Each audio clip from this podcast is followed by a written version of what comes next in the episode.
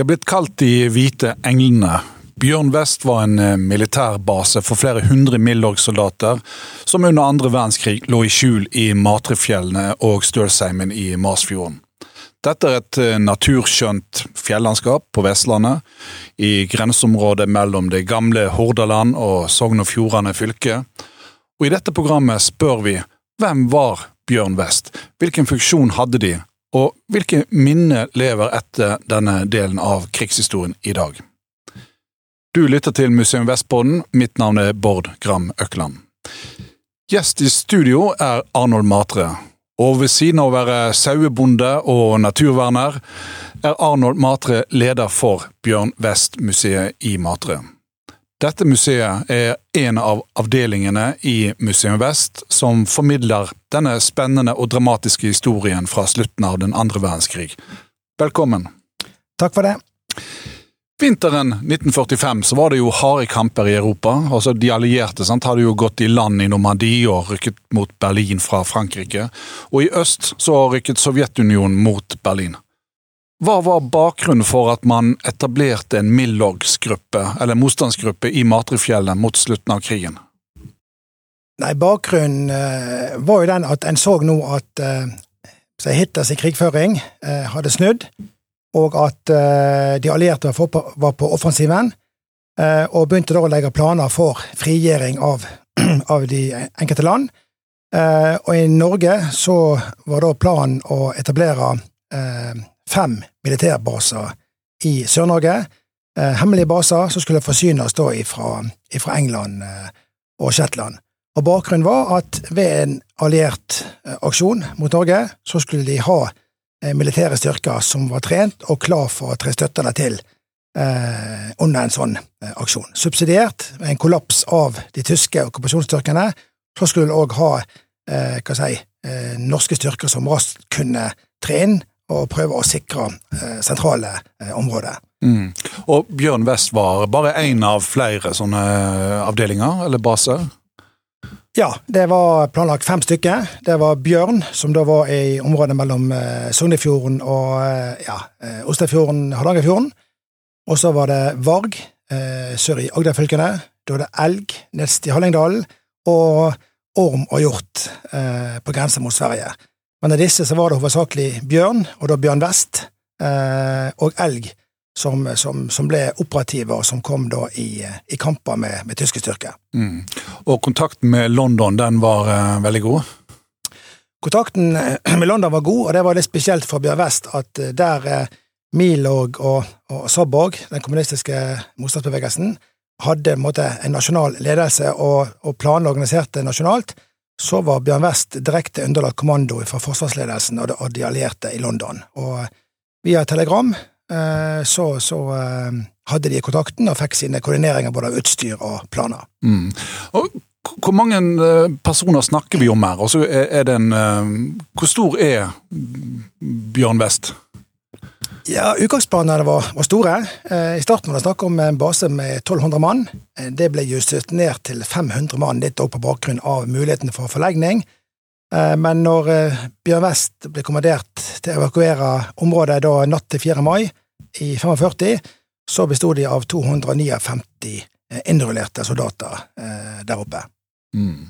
Hvem er de sentrale personene i Bjørn West? Ja, eh, da har du vel noen formelle eh, sentrale personer. Så har du selvfølgelig en del som var sentrale ut ifra hva de faktisk eh, hva de kom opp i, og hvordan de takla det.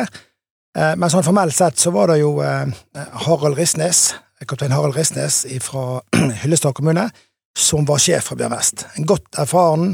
Eh, rømte til England i 41, at det var med i Commanders, hadde operert på både kontinentet og andre plasser og som var en erfaren mann òg som leder. Eh, nestkommanderende var Fredrik Kaiser, og en meget erfaren eh, offiser. Vært med i vinterkrigen, vært med på flere raid langs norskekysten, og ikke minst tungtvaksaksjonen på, på Rjukan, som han hadde erfaring med. Ellers var det jo da, var det da en, bare en håndfull, altså en sju, åtte, ni eh, erfarne offiserer. Resten var si, vanlig norsk ungdom, en god del med litt erfaring fra Milorg eh, i Bergen, litt fotballtrening, og da en stor del som var vanlig ungdom fra bygdene rundt Bergen, Os og Nordhordland, Osterøy, som mer eller mindre tilfeldig eh, kom opp i disse kampene her. da. Ja, For det må jo være et ganske dristig prosjekt å, å etablere en eh, base bak fiendens linjer?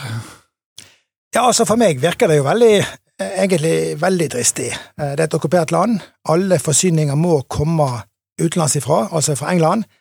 Eh, og eh, okkupasjonsmakten har jo full kontroll, og spesielt da i den siste delen av krigen, der de er fra, fra Matre i Masfjorden og østover, eh, der tyskerne har jo en fangelær, eh, og der de har vaktstyrker på 40 mann, så, så, så er jo sjansen etter hvert eh, stor for at et eller annet eh, leker ut, slik at, at det blir oppdaga, da. Du nevner at noen av disse ledende personene i Bjørn Vest har veldig mye kompetanse her, men, men hvordan er det med de yngste medlemmene i eh, Bjørn Vest? Hvor gamle var de? Ja, de yngste var jo ikke gamle, og vi vil si at de var vel, de var vel ikke menn engang. De var unge gutter. Eh, et par av de yngste de kom fra gården Fosse, som ligger eh, mellom Matre, som tyskerne holdt til, og Stordal fjellstove, som da var hovedkvarter på slutten. Eh, de var involvert i litt kurerarbeid, og så ble det for farlig, så de måtte slutte seg til Bjørn Vest. På strekningen fra heimegården og inn til Stordal, der han skulle melde seg, ikke så mange kilometer, men der kom han da midt opp i kamper og fikk sett eh, at Bjørn Vest-soldaten Henning Werne ble drept, og han uttrykte seg vel sånn at jeg forlot heimen på Fossen som en gutt, men kom fram til Stordal som en mann. Og Det sier vel litt om det som skjedde med de, og som måtte skje med de for at de skulle koble over på den kanalen de måtte være for å uh, være beredt til den innsatsen de skulle yte. Mm. Hva, hva, tror du motivasjonen eh, til Bjørn Vest-soldatene var for, for, å bli med? Altså, Den var nok eh, sammensett. For noen så var det nok helt bevisste valg som gjorde at de gikk inn i denne motstandskampen. For andre var det tilfeldigheter og, og hva si, fare for situasjoner, fare for eget liv, som gjorde at de måtte rømme heimen. Og det var ikke så gjennomtenkt. Men de vi har, hva si, har referanser på oss har fortalt, eh, mellom mellom Henning Wærnes mistet livet, var jo dette at, at de eh, Det var ikke det å krige, det var ikke det å ta livet av tyskere, det var rett og slett kampen mot nazismen, kampen mot menneskesynet og det samfunnet hadde fått, og på en måte viljen og motivasjonen til å få tilbake et samfunn bygd på de verdiene som de ønsket at sine barn og etterkommere skal vokse opp i. Det er iallfall det vi har av, av, av, av kjelde direkte fra de som har skrevet noe om det. Mm. Sånn så, så, så fra eh, Sovjetunionen så vet jo at det var en del kvinner som uh, var med i kamphandlinger andre verdenskrig. Eh, var det kvinner med i Bjørn Vest? Nei, eh, direkte i hva si, i, i motstandsgruppa BMS så var det, var det ikke, ikke, kvinner innrullert. Eh, vi kjenner ikke til konkrete historier akkurat knyttet til de militære handlingene, eh, men vi har jo en del materiell om kvinners engasjement, ikke minst hva de måtte ta av ansvar på hjemmebane for de som eh, var ute. Og i området rundt Mater, området rundt fangeleiren, så er det, et, det var et prosjekt på skolen der de samla inn og kvinnenes historie, de som måtte stå og, hva si, ja, med stor fare for eget liv, fortelle usanne historier om hvor mennene var, hva de hadde sett i fjellet, sånn at de bidro sterkt, men rent militært så var det ikke kvinner innrullert i, i disse styrkene. Nei. De fikk jo navnet, eller tilnavnet, da, De hvite englene. Hva, hva er det spillet på? Nei, det det spiller på, er vel at dette var jo, dette var jo ei hemmelig eh, operasjon, og færrest mulig og skulle vite om det, og de skulle ikke ta kontakt med bygdefolk. Men klart, de opererte jo i fjellene, og bygdefolk inne i fjordene i, i Masfjorden og, og, og Høyanger og Lindås Modal brukte jo fjellet, enten for å hogge ved eller på jakt, så det ble jo observert eh, ting i fjellet, og de hadde jo òg hvite overtrekksdrakter, kamuflasjeuniformer, så var nok observasjoner av hvite, uidentifiserte personer som ikke skjønte hva var, som, som, som gjorde at det ble skapt et rykte om at eh, her var det hvite engler i, i, i fjellene. Det er, vel, det er, vel, det som ligger nærmest til å anta. Og så kan vi vel si at engler er jo kjent for å komme og redde oss, og det var kanskje et håp om at disse hvitkledde skulle òg ha en englefunksjon med å bidra positivt. Matrefjellene ligger jo eh, bare 50-60 km fra Bergen, der tyskerne naturligvis eh, sto veldig sterkt. Eh, I tillegg var jo tyskerne til stede også i selve Matre. Og det var jo viktig at etableringen av gruppen av Bjørn Westå skjedde i den største hemmelighet. Og med tyskerne såpass relativt tett på, og så klarte man eh, å holde gruppen hemmelig? Ja, det er jo et, det er et, et spørsmålene på problemstillingen har stilt seg sjøl òg, at eh, sjøl om utvelgelsen av området her var motivert ut ifra at det var store, ville fjellområder som kunne skjule seg i, det var stølete å oppholde seg i, så er det jo, må det være en utfordring òg at det er så tett på eh, tyske styrker, tyske mannskap. Eh, men så vidt vi veit, eh, så klarte jo, og klart at en del bygdefolk fikk kjennskap til det, de måtte ha kontakter, men vi kjenner ikke til noen historier om at si, bygdefolk eller andre har kompromittert styrken på en sånn måte at uh, det var det som lå til grunn for uh, de tyske opprenskningsaksjonene som kom da på slutten. Så tilsynelatende så har, har egentlig iallfall den delen uh, Det var ikke lokalbefolkningen eller andre som har røpet det, det var rett og slett spor, feildråp, overflygninger og den type ting som, som gjorde at tyskerne til slutt fatta mistanke. Mm. Og det at det var tyskere i nærheten eh, av Bjørn West, i selve Matre altså Fra høsten 1942 sant, så var jo flere tyske soldater stasjonert der. Og, og det lå jo òg en fangeleir der med russiske krigsfanger. Hvorfor var det dette her nære tyske nærværet i Matre? Bakgrunnen for det, det var jo egentlig Nå må tilbake igjen til Hitlers kamp på østfronten. Eh, det at han gikk til angrep på Eh, på Sovjet, eh, og, og tap på seg der han ikke kom videre der, skjønte han at uh, han måtte jo bygge et, en sterk forsvarslinje egentlig fra Sentral-Europa opp langs Atlanterhavet, langs norskekysten, og ha et forsvarsverk som kunne stå imot et alliert angrep.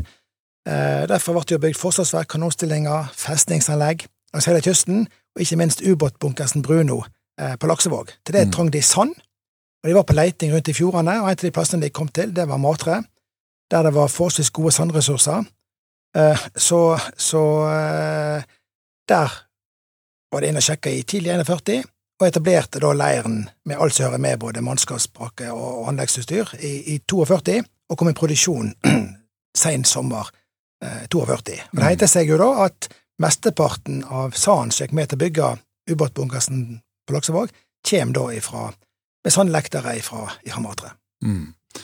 Og hvor mange vet jeg noe om hvor mange russiske krigsfanger som fantes, eller som var i Matre? Ja, altså vi vet ikke summert hvor mange som var innom, men det, det vi har tidsvitneskildringer på for de som var, bodde på Matre, det var at enhver tid var minimum 200 eh, fanger der. Eh, en liten periode var det snakk om at det var oppimot 300. Eh, men vi vet jo at noen kom og noen gikk, så, så samla tall vet jeg ikke, men til enhver tid vel 200 mm. Eh, fanger fra tidligere Sovjet. Og vet noe fra tidligere Sovjet, ja. Og vet man noe om eh, hva de var utsatt for der? Ja, eh, jeg nevnte jo det prosjektet i stad her med at de samla inn informasjon om kvinner og unge jenter, hvordan de opplevde å bo i okkupert bygd, tett på fangeleiren. Så vi har ganske gode øyevitneskildringer om hvordan disse fangene ble behandla. De var meget dårlig behandla. Det var lite mat, dårlig mat, Eh, lite og dårlige klær. Det beskrev at de gikk med papir som sko, eh, striesekker som klær, og eh, alt som sto ute langs veien de gikk mellom leiren og, og sandtaket, alt som sto ute der av dyremat, om det var spillrester til gris, hva som helst, det var ribba når de gikk forbi. Og Det forteller vel litt om at de levde under ganske forferdelige forhold, ja. Og mens denne fangeleiren uh, lå da nede i Matre sentrum, sant, så, så, holdt uh, Bjørn West-soldatene til i fjellet. Og hva, hva forhold levde Bjørn West-soldatene under der oppe? Nei, Hvis du sammenligner med de eh, krigsfangene, så hadde nok Bjørn West det forholdsvis eh, bra. Eh, det skifta nå en del, og de var helt avhengige av forsyninger fra England og Shetland. De periodene de hadde forsyninger, så klarte de seg godt, men det var jo enkle forhold. Dette var jo, De bodde i ustølshus som var bygd for eh, sommerbruk. Dårlig material, så det blas inn, det snødde inn, det var lite ved. Mm. Eh, fortell om fraus de mye? De fraus en god del. Og Problemet var jo at, at dette var tjukke vadmelsklær og, og, og si, stive skinnsko, sånn at å få tørke opp og varme var en utfordring. Og Det medførte jo òg dette med gnagsår som en stor eh, stor utfordring. Men Og tidvis, spesielt de første patruljene som var inne og skulle sjekke ut Stordalsområdet, med tanke på at resten av troppen skulle komme inn, de fikk ikke de forsyningene de skulle, så de gikk på rasjoner på snakk om biter av kjeks, biter av sjokolade, mm. eh, som gjorde at de til slutt måtte oppsøke sivilbefolkning, og måtte oppsøke Stordal fjellstove, eh, der de fikk, etter litt sånn usikker hvem de var, fikk jo ikke herremåltid, og beskrev at ene spiste 22 kjøttkaker, like mange poter, og etter fire timer var han like sulten. Og Der ble kontakten med Stordal fjellstove oppretta, som gjorde at hovedkvarteret der under kampene òg ble liggende på på Stordal festdag. Og bare sånn som legetjenester, altså det, det, det, kan ikke vært lett hvis du ja, oppe i fjellet. Penicillin og medisin og sånne ting. Nei, eh, men faktisk så var de De var utstyrt med egne leger. De har faktisk to leger. De var utstyrt med egen eh, feltprest. Eh, den mest kjente, markerte legen var jo senere ordfører i Bergen og vel òg brannspiller Eilert Eilertsen, som var lege på en utmerket måte. Og det heter seg vel at første gangen penicillin ble brukt i Norge, det var når kokken Julsen fikk en byll på fingeren, og ikke minst når Ragnvald Totland ble skadeskutt i Kringlebotn 29. april, så kom operasjon, eh, der da eh, Eilertsen hadde hatt med seg en liten dose fra England, og bestilte, ikke minst, mer penicillin, og på under et døgn, for han bestilte for den vegløse, øde gården Kringlebotn, så var det levert med flydropp og kom pasienten til gode. Det er litt en sånn litt spesiell tilleggshistorie. Tyskerne fikk jo etter hvert eh, kjennskap til at det var en motstandsstyrke i, i Matrifjellene. Og, men ledende tyske militære var jo tvetydige eh, om hvordan man skulle forholde seg til Bjørn West. Det kom signaler sant, om at man ønsket å ha fredelige forhandlinger med Bjørn West, men også at tyskerne ville angripe Bjørn West. Hvordan arta dette her seg? Ja, for det er jo litt, litt spesielt at, at, eh, det ble såpass kraftige kamper i en så sein eh, fase. Og det vi veit, eh, det er jo at tyskerne på bakgrunn av både etterretning, feildrap, skjønte at noe foregikk, men trodde det var mindre uorganiserte grupper. De kalte de faktisk for banditter i fjellene. Mm. Så det som begynte nok sannsynligvis 28. april som en liten oppklaringsaksjon med begrenset antall soldater, de oppdager da at de har med mye større styrke enn de trodde, de er godt utrusta, og skjønner at dette, annen, dette, blir en annen kamp enn det de hadde, eh, hadde starta. Eh, så det at de starta aksjonen, var nok ikke planlagt at det skulle være så omfattende, eh, men eh, Og eh, de er kommet til den siste halvannen uken Eh, general de Boer. Altså, da er vi i slutten av april? eller? Ja. altså Aksjonen starta, ja, starta seint den 27. april eh, 1945. eh, mens general de Boer, sjef for Vestlandet, erfaring fra første verdenskrig, han skjønner jo at dette går én vei, og ønsker egentlig at det skaper minst mulig konflikt og fare for hevn. Eh, han skjønner det på slutten. Eh, men så han går bak ryggen på Gestapo i Bergen og starter forhandlinger direkte med motstandsbevegelsen for å få en ryddig og fredelig overgang eh, på det som han ser kommer. Men da er aksjonen i Madrefjellene alt i gang, og den eskalerer nok litt utover det de hadde tenkt. Så det er jo, det er jo møte i, i Admiralens bunkers i Sandviken, der det blir stilt ressurser, drivstoff, mannskap til, til en større aksjon i, i Madrefjellene. Så, så um, det, var nok en, det var nok en blanding av at uh, sentrale tyske altså fall de Boer, eh, ønsket at eh, det ikke skulle bli flere kamper, men vilkåret var at kampene skulle stoppe, og BMS mm. kunne ikke stoppe så lenge de var eh, under angrep. Ja. Så, ja, for det er jo litt av det paradoks altså, Litt uforståelig på en måte. Altså, at vi er så seint i krigen. sant? Altså, det er rett før uh, tyskerne kapitulerer, og så, og så begynner kampene i Matrefjellene. Ja, og det var noen usikkerhet, og han splittes òg eh, Nå er det kanskje litt på sida at jeg har dekning for, men vi vet i hvert fall at De Boer ønsket avslutta. Samtidig så har vi jo Bøhme, som satt på Lillehammer, som i skriftlig form helt fram til 5.-6. mai eh, sier at det er uaktuelt for de tyske styrkene å, å kapitulere. Sånn at Bjørn West, eller hva jeg si, de allierte kunne ikke være sikre på hva som, hva som ville skje eh, fra, fra tysk side. Eh, men så, så, snart de tyske angrepene ble avslutta, eller trakk seg tilbake en 3. mai, så ble jo ordren eh, om at avslutte kampene fulgt opp av Bjørn West, og de trekte seg da inn i Stølsheimen for å hva si, eh, bidra til at de kampene En liten, ja. liten artig der er jo at eh, Alf Martin Smeyer, som satt i London og fordelte forsyninger eh, rundt både i Norge og andre plasser, han var litt bekymra for om Bjørn West ville etterleve, for de hadde jo tross alt gjort det godt. De har satt imot kampene, var i kampmodus, så han var bekymra for at de ville trekke seg tilbake igjen. Så han er jo sitert på at han har sagt det at eh, nå har jo general Montgomery gått med på betingelsesløs eh, stoppa kampene i, i kontinentet, så nå håper jeg at Harald Ristnes i Marsjøfjellet vil gjøre det samme. Og. Men det gjorde han. Ja. Men, men, eh, før de trappet ned, altså, hvordan artet eller pågikk kampene i, i Matrefjellene når tyskerne skulle opp og ta dem? Ja, Det kunne vi snakket eh, lenge om, og det skjedde over seks dager, dette her. Men sånn enkelt fortalt så kommer det jo en natt til, eh, eller seint 27. april, gå til aksjon med en fire-fem mindre lag inn i området mellom Matre og Stordal. Og samtlige av de treffer jo på uniformert eh, personell. Den første tyske soldaten mister livet allerede tidlig på morgenen, og så er det mindre kamper både ved, på vei til Stordal og i Kringlebotn 28. april. Der mister eh, tre BVS-soldater livet de dagene. Det fortsetter 29. april med større kamper, eh, og der kommer kanskje vendepunktet som gjør at det blir umulig for de tyske troppene å trekke seg tilbake igjen. De har nå satt inn flere tropper fra Marin Einsatzkommando, og det er jo spesialsoldater de leder et grufullt tap av Litlenbadestølen, der 27 av 28 tyske soldater eh, mister livet etter bakhold fra Bjørn Vest, som var helt nødvendig for å stoppe fremrykkingen til rekruttskolen i Kringlebotn, eh, som ble et dramatisk nederlag for tyske styrkene, som gjorde at de da satte inn store styrker både fra Matre, men òg fra Sognesida, da Sognefjorden, mot, eh, mot Stordalen.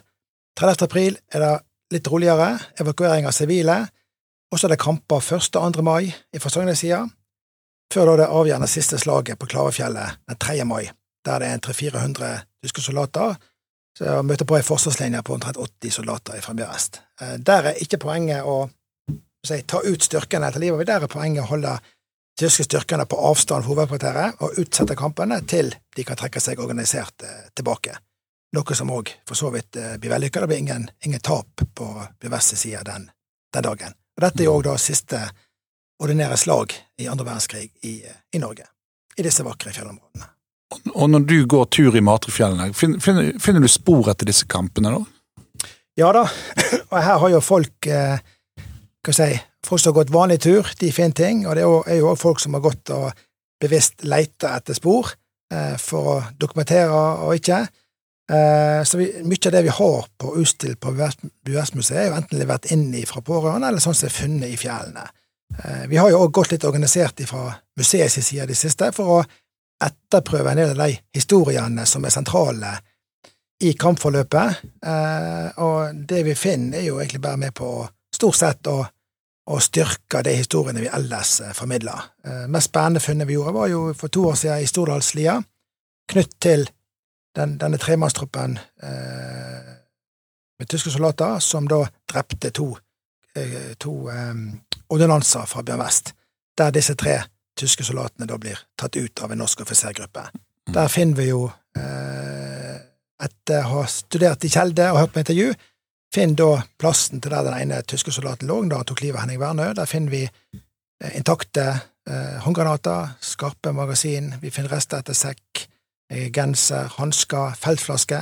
Mm. Eh, og så enda kan jeg finne. Det viktige er at folk er klar over at her kan det fremdeles ligge eksplosiver, ligge materiell som faktisk er farlig. Og for, for til historisk dokumentasjon så er vi svært interessert i at de melder fra enten til politiet eller til Bjørnsmuseet, og med tydelige GPS-koordinater på hvor de har vært. Det, det, og noe bør jo ligge igjen som en dokumentasjon og eh, faktisk i, i fjellene, som en historisk kjelde. Og hvis du skal summere opp kampene, hvor, hvor mange tap av liv hadde man på tysk og på norsk side?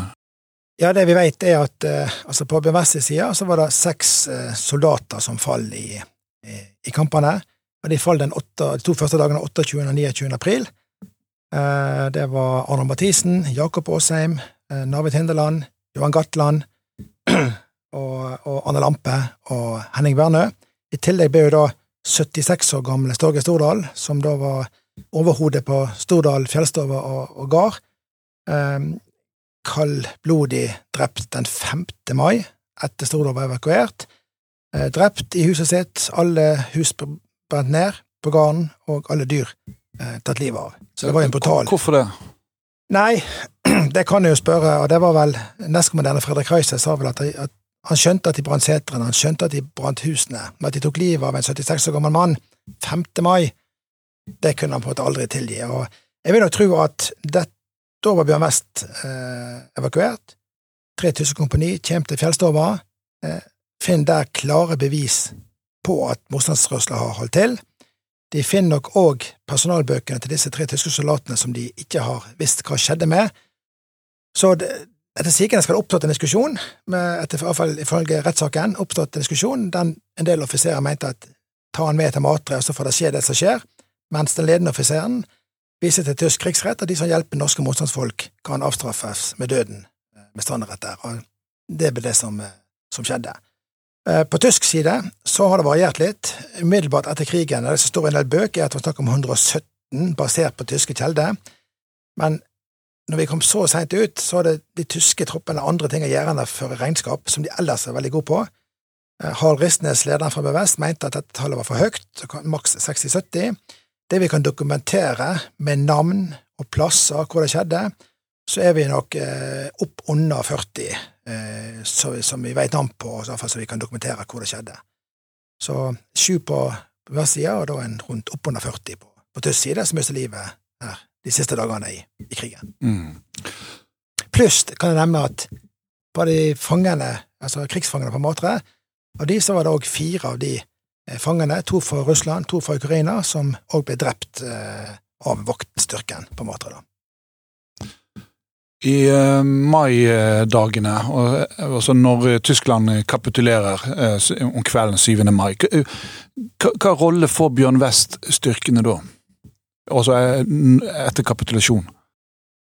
Ja, eh, Bjørn West, etter de evakuerte Stordal natt til 4. mai, så spredde de seg i Støsheimen og i bygdene rundt og skulle holde seg skjult til meldingen sovepose og telt kom fra London, som betydde at freden er kommet. Og Da var avtalen, og da skulle de møte fortest mulig ved Stor-Urdal i tidligere Lindås kommune.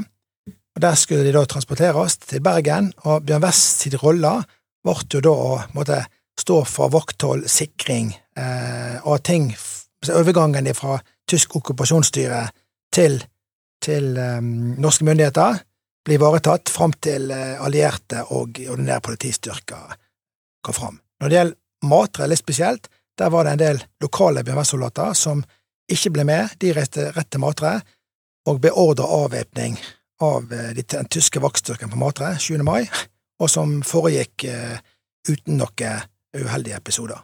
Mm. Vet vi òg noe om uh, altså, i hva grad Bjørn West-soldatene fikk uh, traumer etter det de opplevde?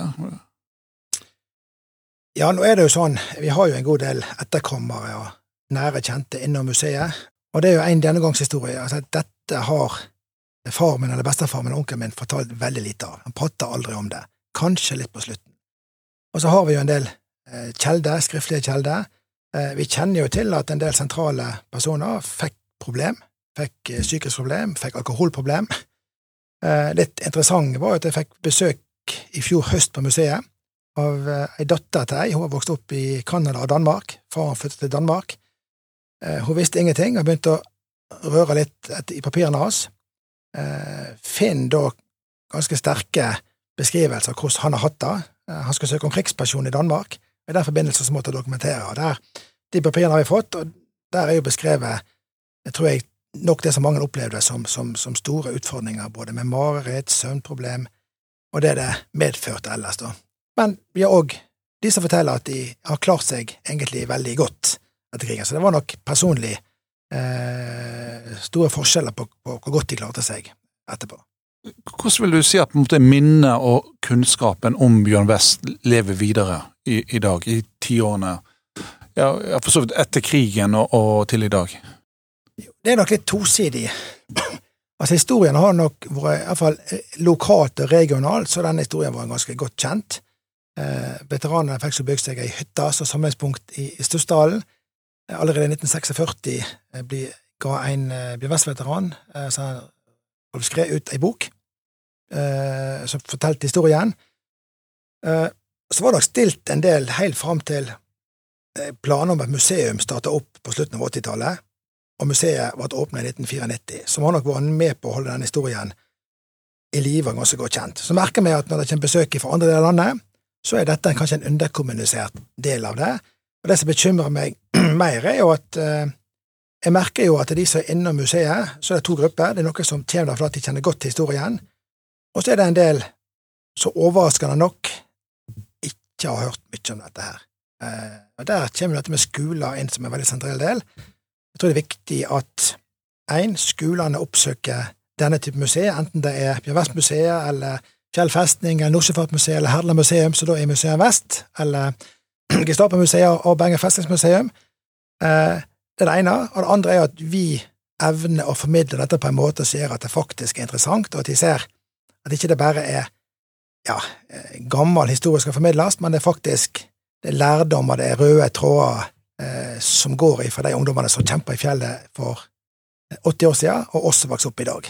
Så det er jo òg en, en oppgave for oss å, å klare å formidle på en måte som gjør at interessen er der. Ja, og Hvis lyttere nå eh, får lyst til å, se dette stedet og se naturen i Matre og, og ja, besøke museet, hva kan man se på Bjørn West-museet? På Bjørn West-museet er det selvfølgelig rent fysiske utstillinger. En ganske stor samling med autentiske gjenstander samla inn. Eh, her alt fra våpen til, eh, til bestikk til kart til brudekjoler og fallskjermsilke. Det er den. Så har vi jo prøvd å modernisere utstillinga litt. Rann. Og så er det jo sånn at museet ligger jo fysisk på plasser der det skjedde. Museet, bygget, ene museumsbygget, det var tysk vaktbolig. Der var lokalbefolkningen arrestert. Der ble de laga. Eh, den russiske fangeleiren ligger jo vegg i vegg med museet, sånn at sjølve arenaen er òg en, en, fysisk formidlingsplass. Du, du, kjenner nesten på kroppen når du, når du står der. Og når du står på mater og ser på fjellene rundt, så skjønner du jo òg at dette er type ville fjell som var mulig å operere i bak fiendens linje, som den ene bevisstboka eh, heter. Og som du sier, kombinasjonen av å kunne oppsøke fjellene, gå i fotsporene, se utfordringene det var med å føre krig i et sånt landskap, på den ene sida, og gleden med et frigjort land, at vi kan gå, vi vår generasjon kan gå og nyte den fantastiske naturen, opplevelsene, som, som da er i de samme landskapet. Så det er en sånn, en eh, blanding av lærdom og opplevelse. Takk til deg, Arnold Matre, som er leder for eh, Bjørn West-museet, som ligger i Matre. Programleder har vært Bård Gram Økland. Produsent har vært Magnus Kvarvik ved Bergen sjøfartsmuseum. Følg gjerne Museum Vestpodden på Spotify eller Apple på gjenhør.